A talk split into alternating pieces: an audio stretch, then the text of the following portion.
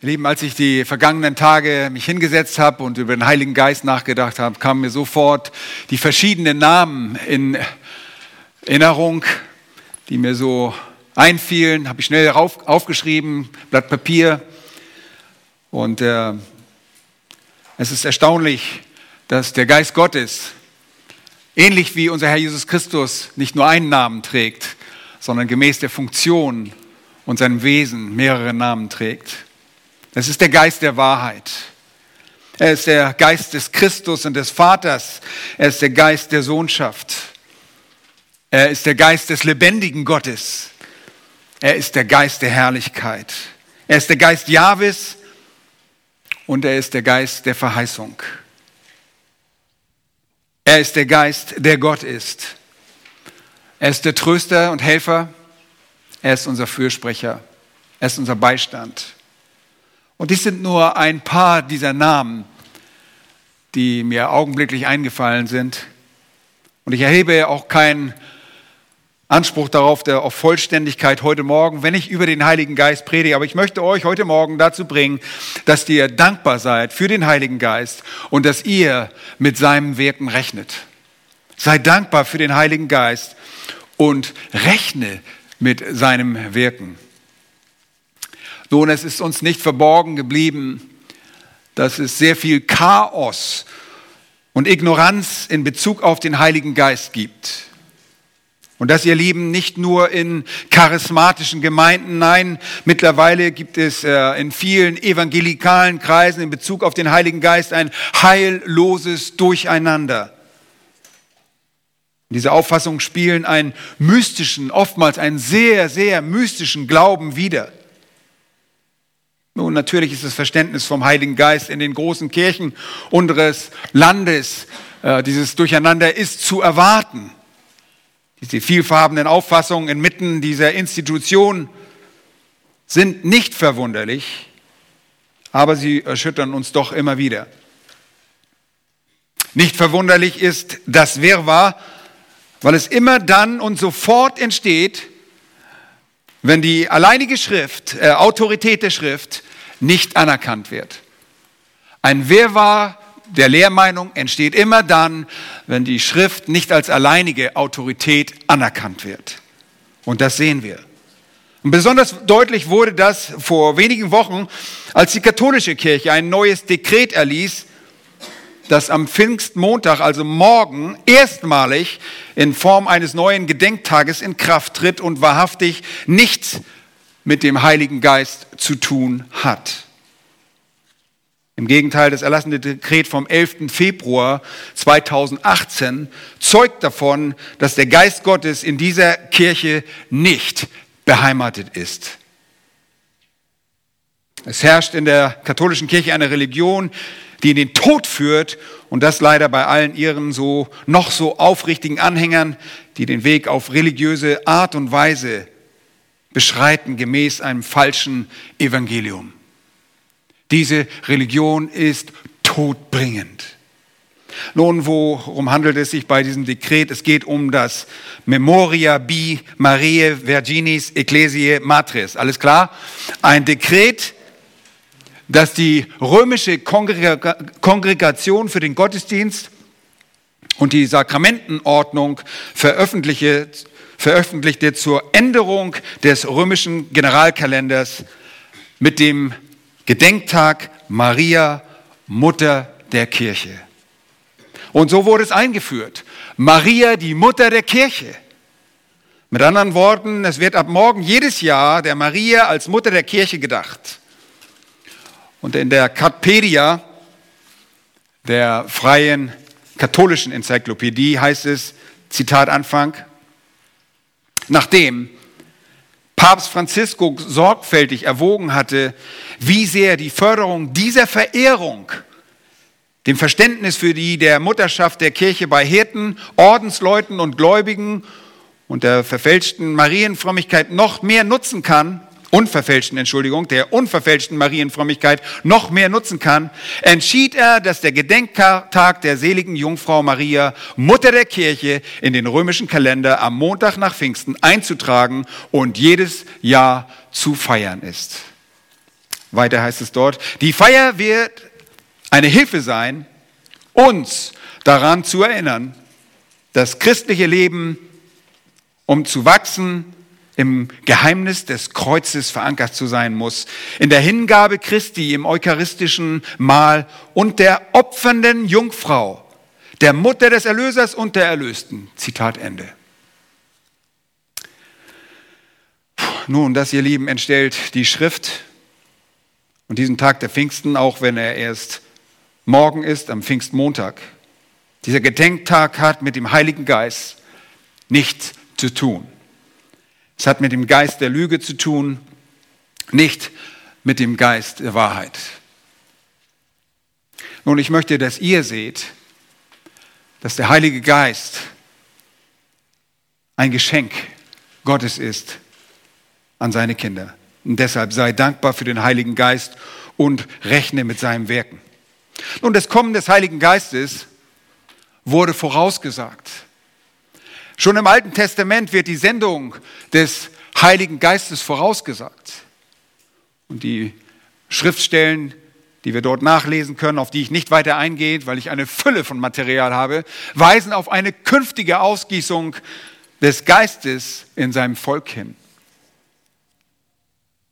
Dort lesen wir in Hesekiel 36, Vers 26 und 27, Kapitel 37, 14 und Hesekiel 39, 29 von dem Senden des Geistes, dass er kommen wird, der Heilige Geist. Auch Sacharja 12, Vers 10. Und in Johannes 14, Vers 16 und 26 sehen wir unseren Herrn selbst, als er seine Jünger vorbereitet auf sein Tod und auf seine Rückkehr in den Himmel, dass er von dem Heiligen Geist spricht. Johannes 14 heißt es, der Beistand aber, Vers 26, der Heilige Geist, den der Vater senden wird in meinem Namen, der wird euch alles lehren und euch an alles erinnern, was ich euch gesagt habe. Ein Kapitel weiter, Johannes Kapitel 15, die Verse 26 und 27, heißt es, wenn aber der Beistand kommen wird, also zukünftig, wenn er kommen wird, den ich euch vom Vater senden werde, der Geist der Wahrheit, der vom Vater ausgeht, so wird der von mir Zeugnis abgeben. Er wird von Christus Zeugnis abgeben. Er wird nicht die Mutter Maria verherrlichen, sondern er wird von Christus Zeugnis abgeben. Und ihr werdet Zeugnis geben, weil ihr von Anfang an bei mir gewesen seid. Nun, öffnet eure Bibeln bitte in der Apostelgeschichte und dort gehen wir zu Kapitel 1. Und da heißt es zunächst einmal ab Vers 4, Und als er, das ist Jesus, mit ihnen zusammen war, Apostelgeschichte 1, Vers 4, gebot er ihnen, nicht von Jerusalem zu weichen. Wen? Den Aposteln sondern was sollten sie tun? Sondern die Verheißung des Vaters abzuwarten. Übrigens der erste Punkt, das Kommen des Heiligen Geistes wurde vorausgesagt. Das Kommen des Heiligen Geistes wurde vorausgesagt. Und hier sehen wir das. Sie sollten Abwartung, bis die Verheißung des Vaters kommen würde. Vers 4 nochmals. Und als er mit ihnen zusammen war, gebot er ihnen, nicht Jerusalem zu weichen, sondern die Verheißung des Vaters abzuwarten, die ihr, so sprach er, von mir vernommen habt. Denn Johannes hat mit Wasser getauft, ihr aber sollt mit Heiligem Geist getauft werden, nicht lange nach diesen Tagen.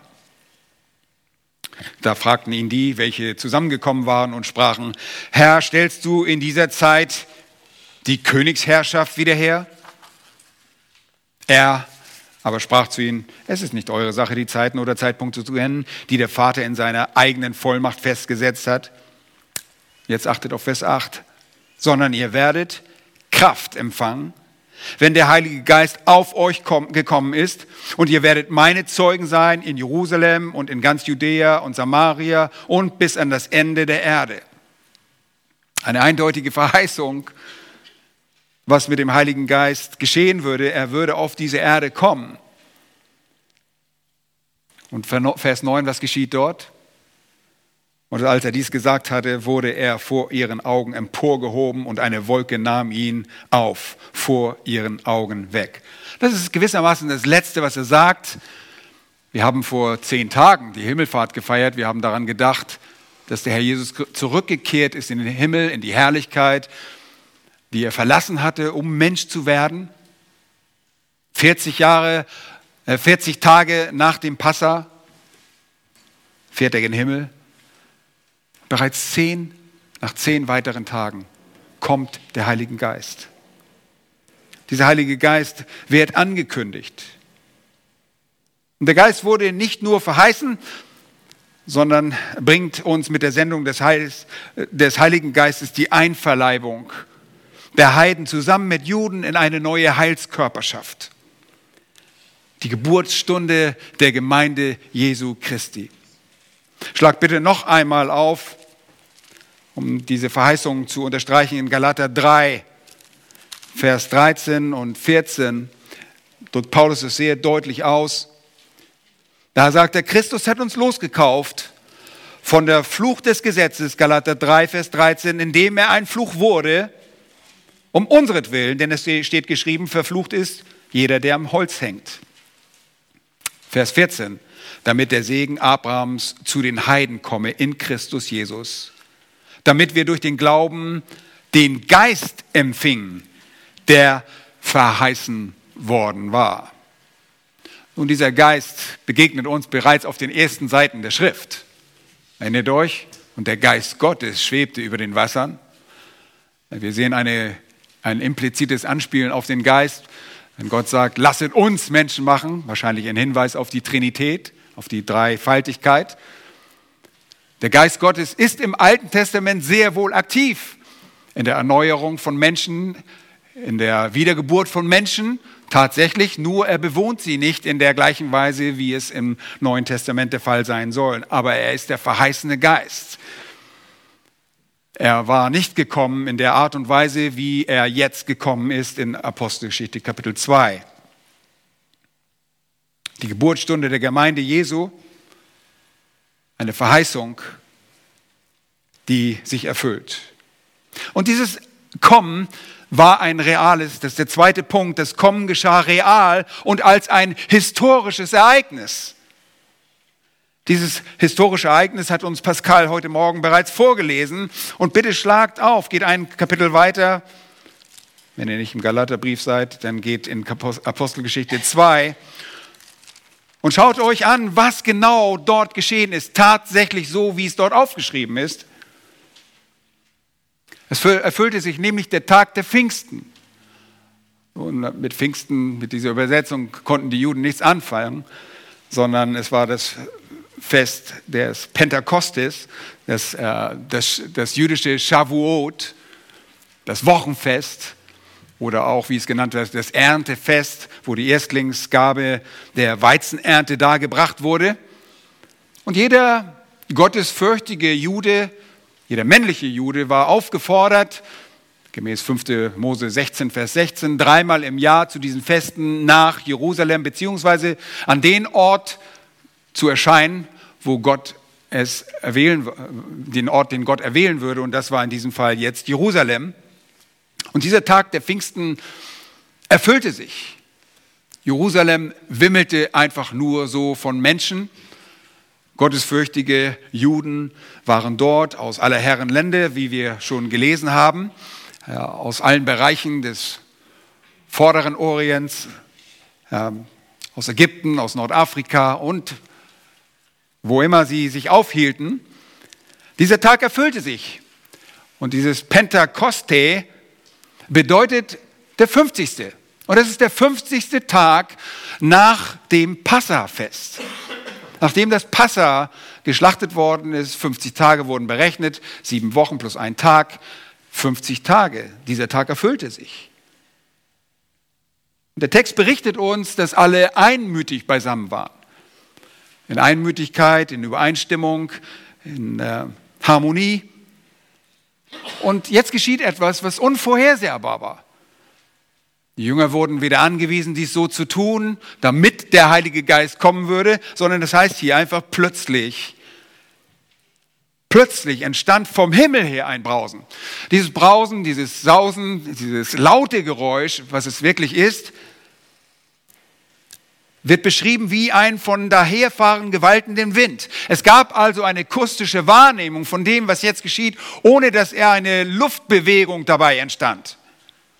Aber dieses laute Geräusch eines lauten Sturmes, eines Windes, erregte großes Aufsehen. Und dieses Geräusch erfüllte das ganze Haus, in dem sie saßen. Und es gab nicht nur ein äh, akustisch wahrnehmbares Ereignis, sondern auch etwas, was sie sehen konnten. Und zwar urplötzlich. Nicht, weil sie bestimmte Dinge einhielten und so den Heiligen Geist herbeiwirkten, sondern weil der Geist Gottes absolut souverän handelt, wie es in seinem äh, Zeugnis immer wieder gesagt wird, im Zeugnis über den Heiligen Geist. Er ist wie ein Wind. Er wird oft als ein Wind beschrieben, so auch in Johannes 3. Der Wind bläst, wo er will, du hörst sein Sausen wohl, aber du weißt nicht, woher er kommt und wohin er geht. So ist der Geist Gottes. Er kommt in seiner souveränen Entscheidung, entscheidet Gott, dass jetzt etwas geschieht.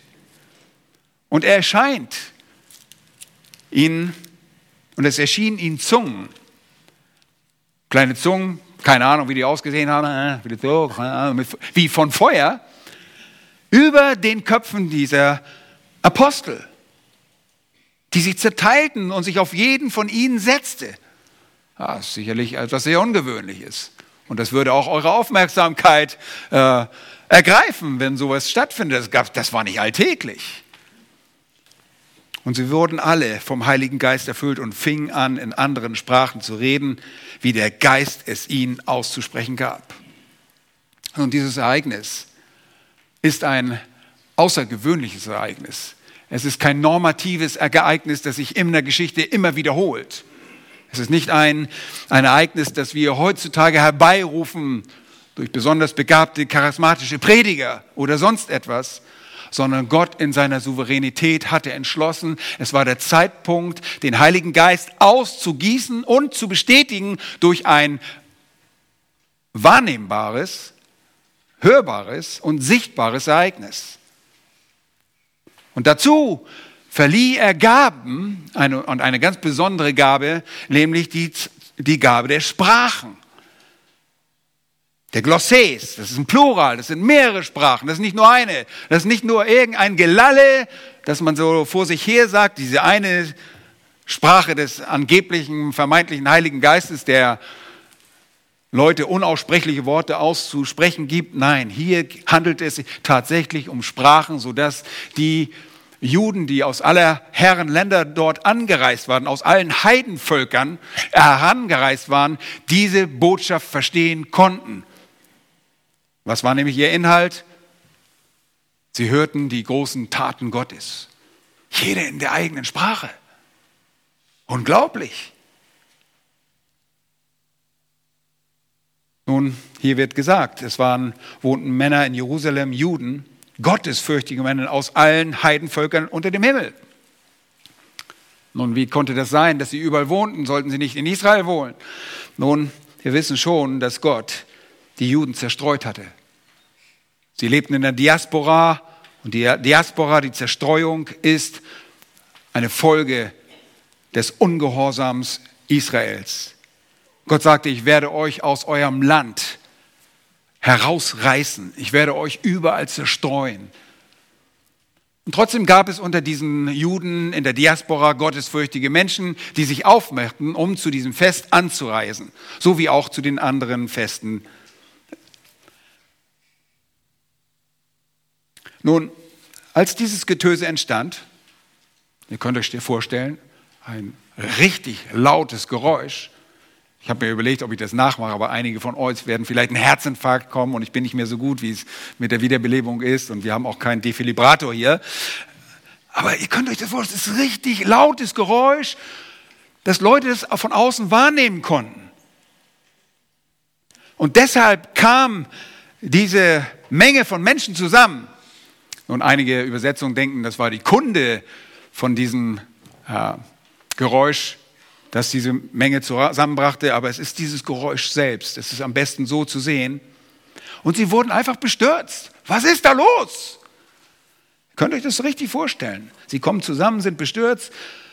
Und besonders dann, in dem, zu dem Zeitpunkt, als sie sich dort hinbegeben und jeder was hört? Ihre eigenen Sprache. Und dennoch von Galiläern. Die konnten, so, die konnten weder Hebräisch richtig, die hatten ihren eigenen Dialektos, ja, aber sie hörten ihre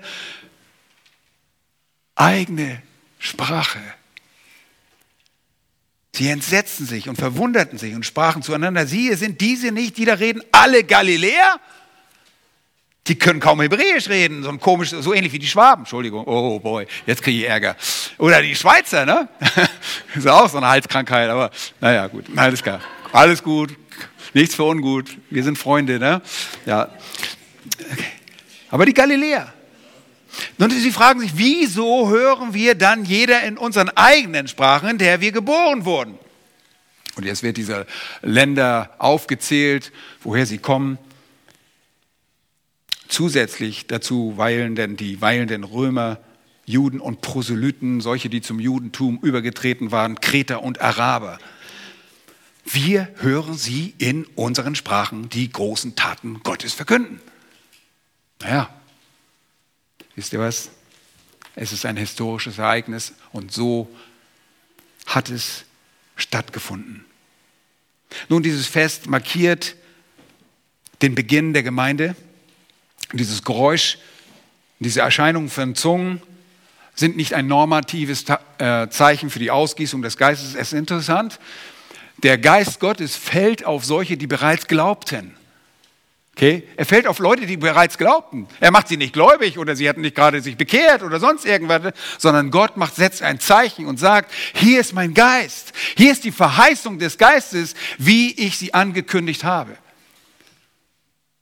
Und das dauert nicht lange. Jesus sagte noch zehn Tage zuvor, vor seiner Himmelfahrt, sagte er, nicht wenig nach diesen Tagen wird die Verheißung des Vaters auf euch kommen.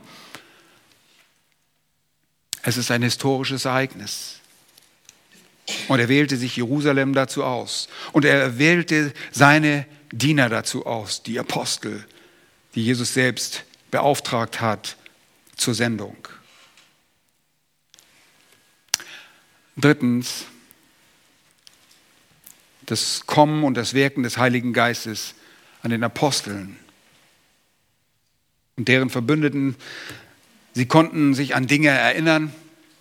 Jesus sagte, als er mit ihnen im oberen Saal äh, sitzt, im der, Im Johannesevangelium Kapitel 13 bis Kapitel 17 bereitet er sie ja vor auf sein Abscheiden und seinen Tod und seine Auferstehung, dass er wiederkommen wird. Und sie sitzen da einfach nur und verstehen nicht viel. Ihr wisst, dass sie selbst noch beim letzten, beim Mahl, beim Passamahl, äh, darüber stritten, wer wohl der Größte sein würde.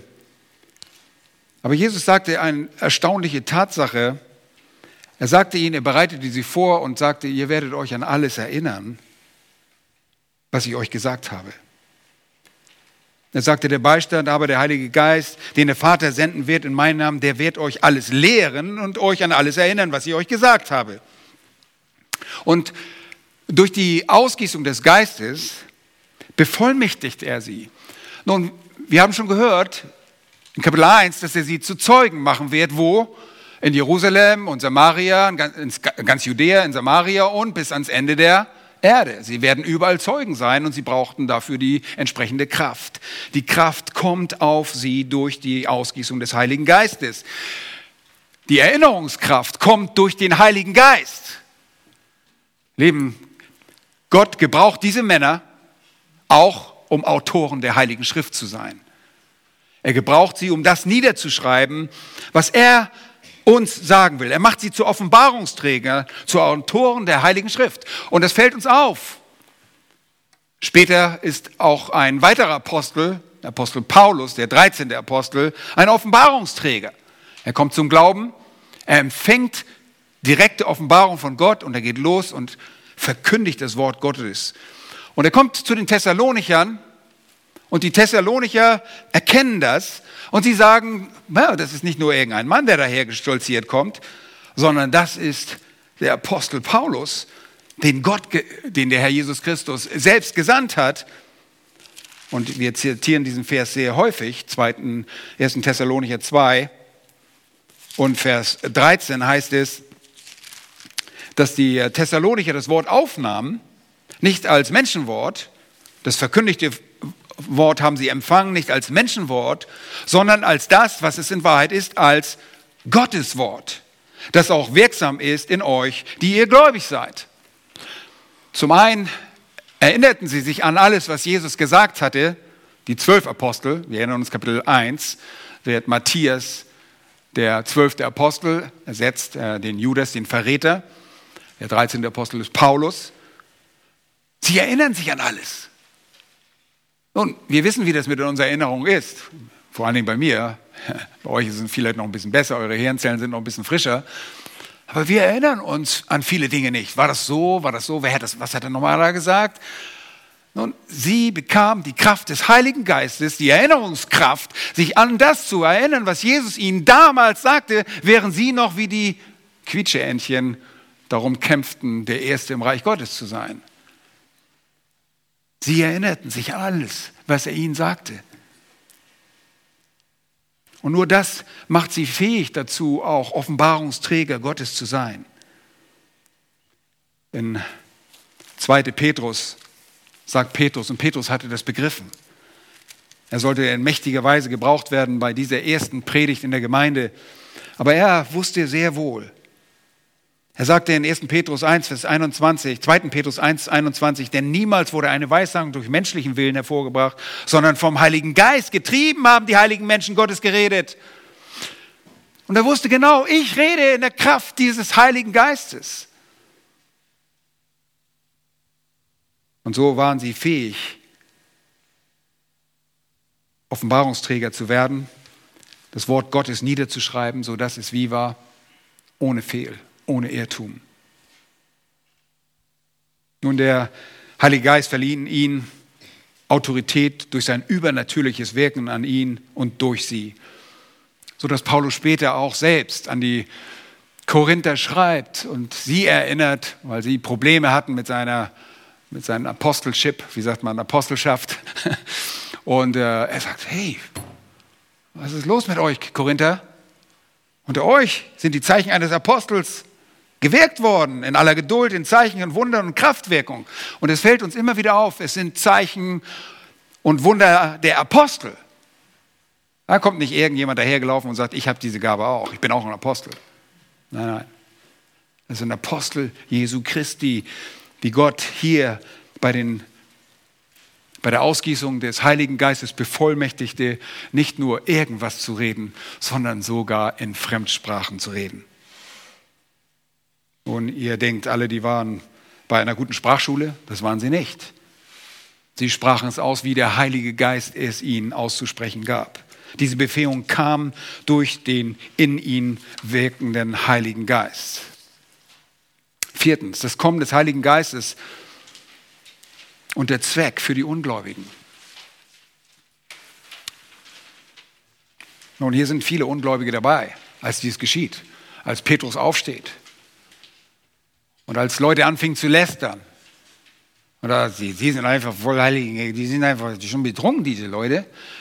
Er sagt, nein, die sind nicht betrunken. Die sind nicht betrunken, ist erst die dritte Stunde oder, ja, sondern hier geschieht etwas anderes. Und er predigt das Evangelium. Er predigt und wir als, als Ergebnis sehen wir was? Dass 3000 Menschen hinzugefügt werden zu der Gemeinde Gottes. Gleich zu Beginn. Boah, da träumen wir als Gemeindegründer manchmal davon. Aber Gott tut sie hinzu. Es wurden an jedem Tag 3000 hinzugetan.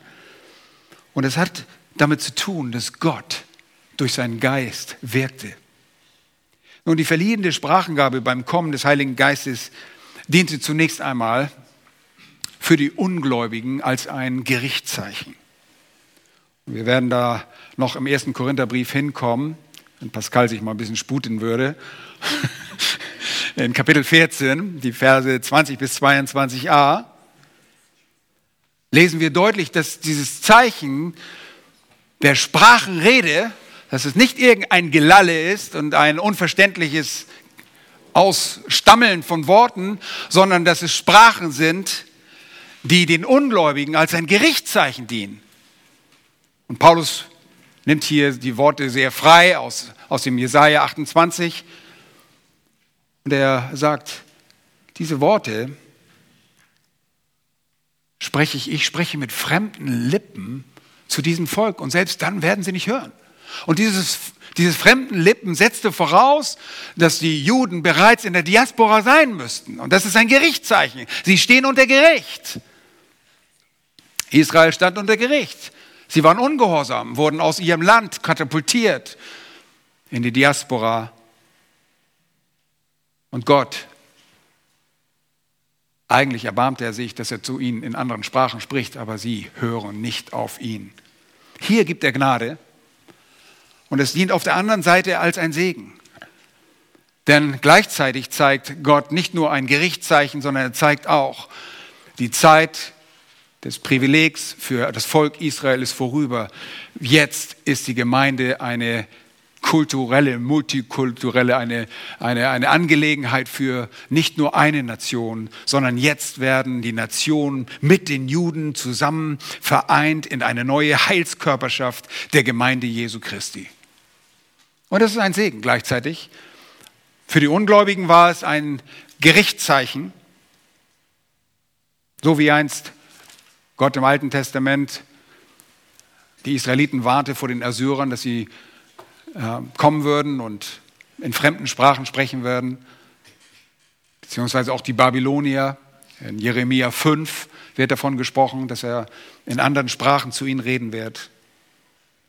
Und das setzt immer voraus, andere Sprachen, dass die Israeliten woanders hingehen mussten. Und gemäß dem Deuteronom, äh, fünften Buch Mose hieß es, dass sie aufgrund ihres Ungehorsams zerstreut werden würde unter alle Nationen. Nun, der Heilige Geist, wie wir in diesem Kapitel sehen, dient aber zu einer weiteren Angelegenheit, und zwar zur Überführung, zur Überführung der Sünde.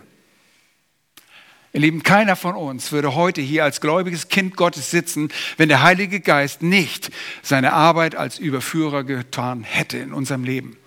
Wir konnten nur Kinder Gottes werden, weil wir von der Sünde überführt würden.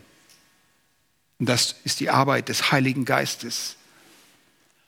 Und das geschieht entweder durch das geschriebene Wort, schlagt einmal Römer Kapitel 2 auf, in Römer Kapitel 2 argumentiert Paulus, dass die Heiden sich ein eigenes Gesetz haben. Wenn sie nicht das geschriebene Gesetz haben, haben sie das in sich lebende Gesetz des Gewissens, das auch mit zusammenwirkt, um ihnen zeigt, dass sie verloren sind. Da heißt es in 2 Vers 14, wenn nämlich Heiden, die das Gesetz nicht haben,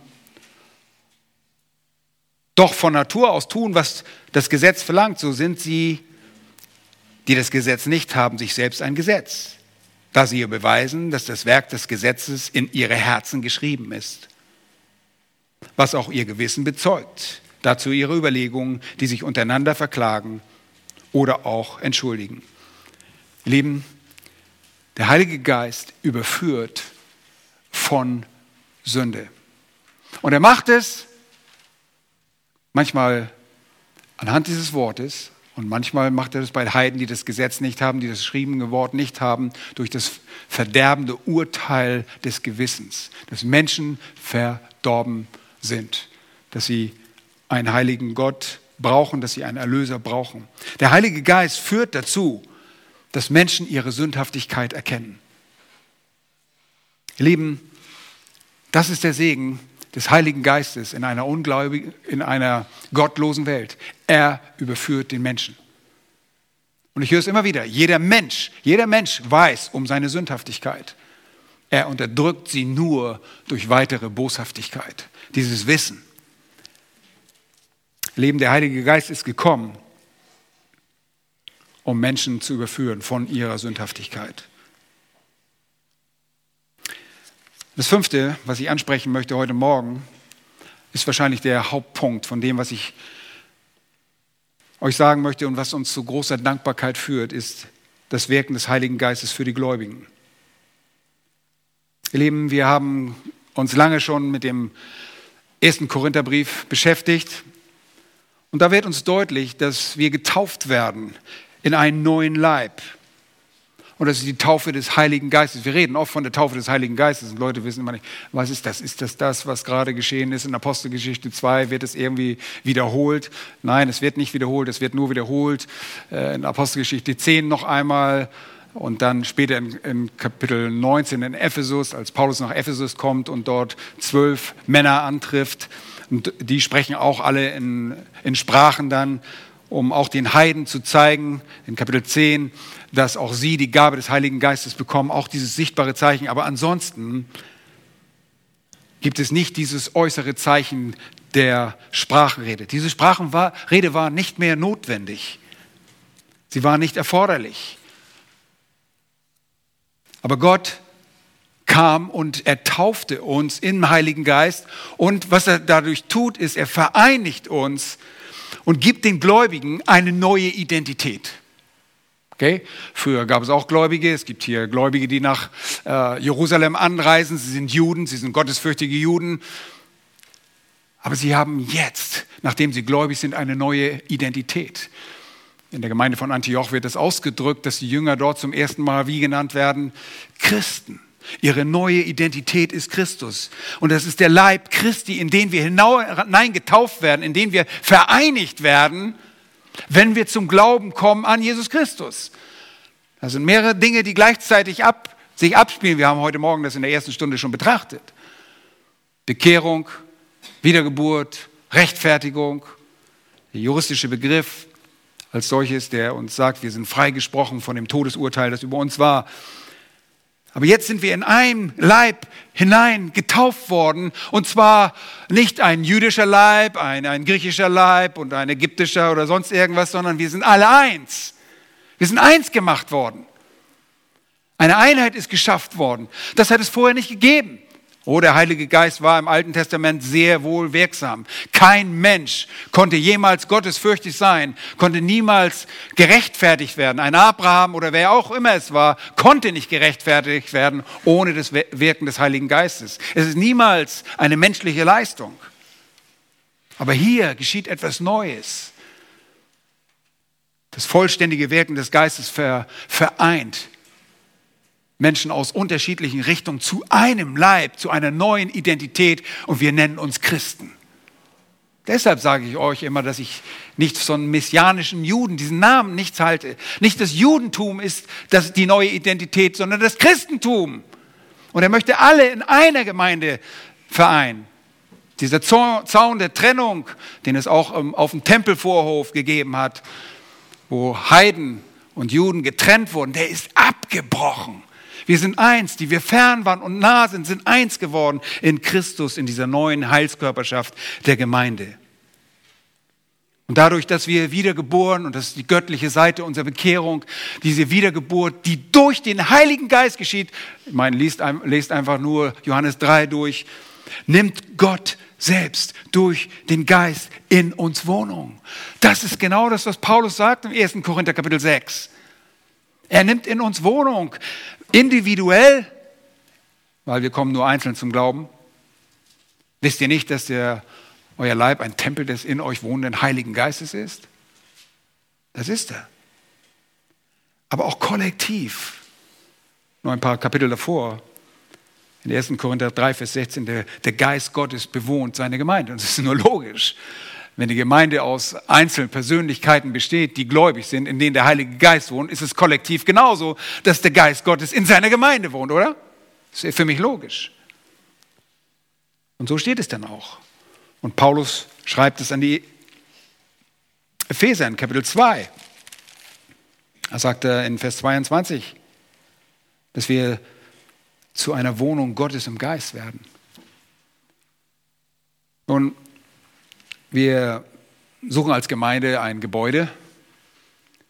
Wir suchen kein sakrales Gebäude. Wir suchen nicht ein dem Herrn geweihtes, äh, besprengtes oder sonst irgendwas äh, beweihräuchertes, heiliges Gebäude, sondern wir suchen ein funktionales Gebäude, wo wir uns versammeln können und wo eine heilige Gemeinde sich versammeln wird. Und das ist, was Gott durch seinen Geist bewirkt. Er bewirkt, dass er in uns wohnt. Er kommt in uns, er wohnt in uns. Er nimmt Raum in seiner Gemeinde. Und das Gebäude kann von dem gottlosen König von Ägypten gebaut worden sein. Ganz egal, wer das gebaut hat. Das Gebäude ist unerheblich. Wir sind die Gemeinde des lebendigen Gottes, haben wir gesungen. Der Geist bewohnt seine Gemeinde. Und er schafft eine geistliche Einheit. Und das verstehen wir. Das ist irgendwie ganz logisch, dass wenn wir den Geist Gottes in uns ein innewohnen haben. Und der Geist Gottes Kontrolle über unser Leben bekommt, das heißt es voll Geistes zu sein, wir sollen voll Geistes sein, laut Epheser 5, das bedeutet beherrscht sein vom Geist Gottes, das mit anderen Worten auch zu sein, beherrscht vom Wort Gottes. Paulus drückt das in den Kolosser 3, 16 aus, seid, lasst das Wort Gottes reichlich unter euch wohnen. Wenn wir beherrscht sind, werden wir von ihm regiert. Und dann gibt es eine Einheit, eine geistliche Einheit. Und diese Einheit äußert sich darin, dass wir ultimativ auch zur Einheit des Glaubens heranwachsen, weil wir einen Geist haben, der uns belehrt. In 1. Johannes wird uns davon berichtet, dass der Heilige Geist unsere Belehrung ist, unsere Salbung ist. Und deshalb haben wir eine geistliche Einheit. So wie jemand zum Glauben kommt, ist er mit uns geistlich eins. Und er wird nicht sagen, nein, nein, nein, Pastor, das stimmt nicht so, also das mit dem Kreuz Jesu, das musst du ein bisschen anders sehen, das sehe ich ganz anders. Da hing nämlich auch der Satan. Ach so, der hing auch der Satan. Na, das ist ja eine neue Lehre. Nein, so kommt kein neugeborenes Kind Gottes an, sondern das, es hat die Einheit des Geistes und das äußert sich, indem wir das glauben, was die Schrift sagt. Wir sind uns eins, wir sind geistlich eins. Und Paulus sagt im Epheserbrief Kapitel 4, dass wir allen Fleiß daran setzen sollen, diese geistliche Einheit zu bewahren. Nun, wie, wie kann man geistliche Einheit stören? Indem er sagt, ich bin hier der Boss. Ich lasse mich nicht von Gott regieren, sondern ich regiere hier. Ich habe hier das Sagen. Ich bin der Boss hier. Ja, nein. Ich bin nicht der Boss hier. Christus ist der Boss. Er ist der Herr der Gemeinde. Und auch nicht die Mutter Maria ist die, die Chefin der Gemeinde oder der Kirche. Es ist Jesus Christus selbst. Und er vereinigt uns durch seinen Geist. Und es gibt nur diesen einen Geist. Alles andere sind falsche Geister, irreführende Geister, Dämonen. Ihr Lieben, diese geistliche Einheit, die schafft der Heilige Geist.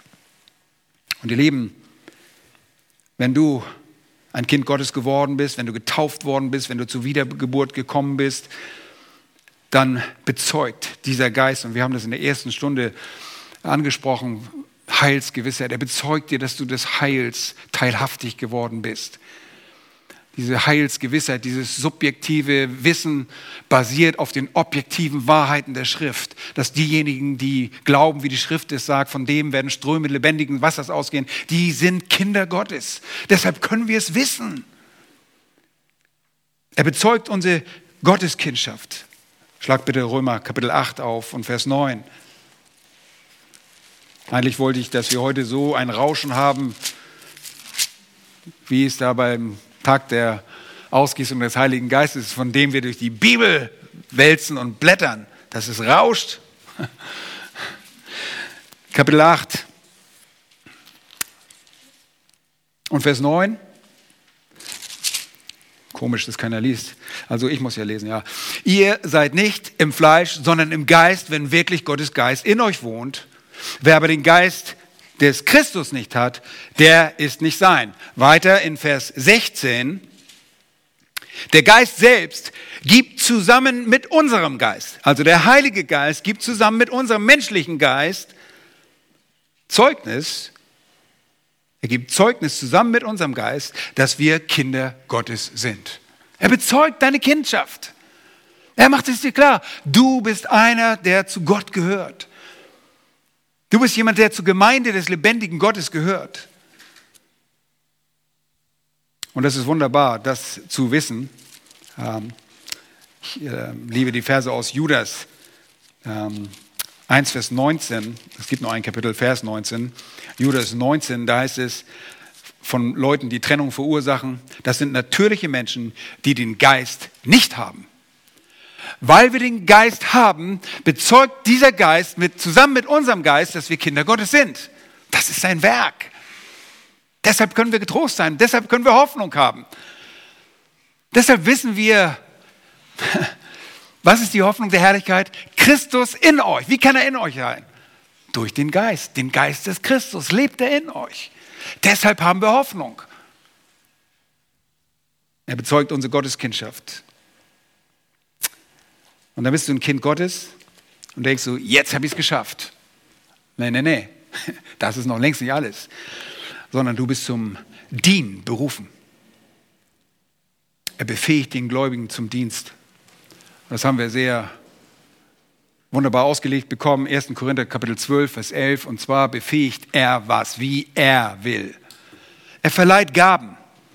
Und ich brauche nicht auf diese Gaben eingehen. Ihr könnt euch die Listen anschauen in 1. Petrus 4, äh, 10 und 11 sind das, glaube ich, die Verse dort. Und Römer Kapitel 12, 1 bis 8. 1. Korinther 12, 4 und folgende. Das sind so die, die Hauptstellen, die davon sprechen, dass die Gaben aufgeteilt werden in zwei Kategorien. Es gibt auf der einen Seite Redegaben und auf der anderen Seite Dienstgaben. Okay. Es gibt Leute, die sind begabt zu lehren, zu sprechen, mit dem Wort Gottes umzugehen, mit dem Schwert des Geistes sorgfältig umzugehen. Übrigens, das Schwert des Geistes ist ein Kurzdolch, mit dem man nicht einfach nur wild um sich rumschlägt, sondern mit dem man präzise Stiche verabreicht, damit der Feind getötet werden konnte. Nun, Dienstgaben sind äh, die Gaben, die manche von euch haben. Und äh, in einer besonderen Art und Weise, äh, wir sind alle irgendwo be, äh, be, begabt mit Geistesgaben. Äh, manchmal ist es eine Mischung. Leute fragen mich, was habe ich für eine Gabe? Ich weiß nicht, keine Ahnung, wie die heißt, aber manchmal ist es einfach eine Mischung von vielen Dingen. Ihr seid ein Individuum, so wie Gott euch begabt. Manchmal ist es eine Begabung zwischen Sprache und Rede, äh, Dienstgabe. Aber ihr habt alle Gaben so wie der Geist Gottes es will. So heißt es hier sehr deutlich. Dafür ist der Geist Gottes verantwortlich. Und diese Dienstgaben sind wichtig für den Leib des Herrn Jesus Christus. Ihr Lieben, er befähigt uns zum Dienst, denn dazu sind wir berufen. Nun, andere beruft er in andere Dienste, er beruft sie zur Leitung. Als Älteste sind wir berufen worden durch den Heiligen Geist. Erinnert euch äh, Apostelgeschichte 20. Was sagt Paulus den äh, Ältesten von Ephesus? Achtet auf die Herde. Ich lese den Vers nochmal vor. Da heißt es, so habt nun Acht auf euch selbst und auf die ganze Herde, in welche der Heilige Geist euch zu Aufsehern gesetzt hat. Nun, der Heilige Geist beruft zu bestimmten Diensten. Er begabt zu Diensten, er beruft zu Diensten und das tut er, wie er es will. Nur kleine Hinzufügung. Ähm, Leute fragen mich immer, ich höre aber nicht den Heiligen Geist, ich höre seine Stimme nicht. Nun, der Geist wirkt auf eine besondere Art und Weise, indem er Männer aussondert, um bestimmte Fähigkeiten zu haben, die die Kriterien aus 1. Korinther 3, äh, 1. Timotheus 3 und Titus 1 erfüllen können. Okay, das ist nicht äh, etwas, was menschlichen Leistung zu, zu, zu, auf menschliche Leistung zurückzuführen ist. Nun, der Geist Gottes ist so besorgt um seine Gemeinde, dass er sie begabt zum Dienen. Er beruft Diener, aber er mahnt auch die Gemeinde immer wieder. Und wir haben ein Beispiel dafür, nicht nur eins, ein siebenfaches Beispiel in der Offenbarung, in den Sendschreiben. Dort mahnt der Heilige Geist die Gemeinde. Und da heißt es immer wieder, wer ein Ohr hat, der höre, was der Geist den Gemeinden sagt. Siebenmal lesen wir das in den Sendschreiben, Offenbarung 2, 7, 11, 17, 29, Kapitel 3, 6, 13 und 22. Immer wieder heißt es, wer ein Ohr hat, der höre, was der Geist den Gemeinden zu, zu sagen hat. Und warum ist das so wichtig? Weil der Geist mahnt die Gemeinde. Er ermuntert die Gemeinde. Er will sorgen, er will dafür sorgen, dass wir vorankommen. Er bewirkt nämlich, und das haben wir vorhin in der ersten Stunde gesagt, er bewirkt die Heiligung. Er bewirkt die persönliche Heiligung. Und wir, ich brauche dieses Thema nicht weit ausführen, aber in Apostelgeschichte äh, Kapitel 8 und Vers 13, da heißt es, wenn, wenn ihr gemäß dem Fleisch lebt, so müsst ihr sterben. Wenn ihr aber durch den Geist die Taten des Leibes tötet, so werdet ihr leben. Das ist im Prinzip die Beschreibung des Heiligungsprozesses. Durch den Geist töten wir die Taten des Leibes, oder? Was ist unser größter Feind? Wir sind der Sünde gestorben. Wir sind neue Kreaturen. Wir, sind, äh, wir sollten uns für tot halten, der Sünde gegenüber. Wir können als neue Menschen, unsere neue Natur kann nicht mal sündigen. Was unser Kampf ist, ist der Kampf gegen unser eigenes Fleisch, die Sünde unseres eigenen Fleisches. Und die ist mächtig, das ist mächtig, sehr mächtig. Unser Fleisch ist sehr mächtig. Aber der Heilige Geist bewirkt, dass wir in der Lage sind, aufgrund seiner Kraft diese Werke zu töten.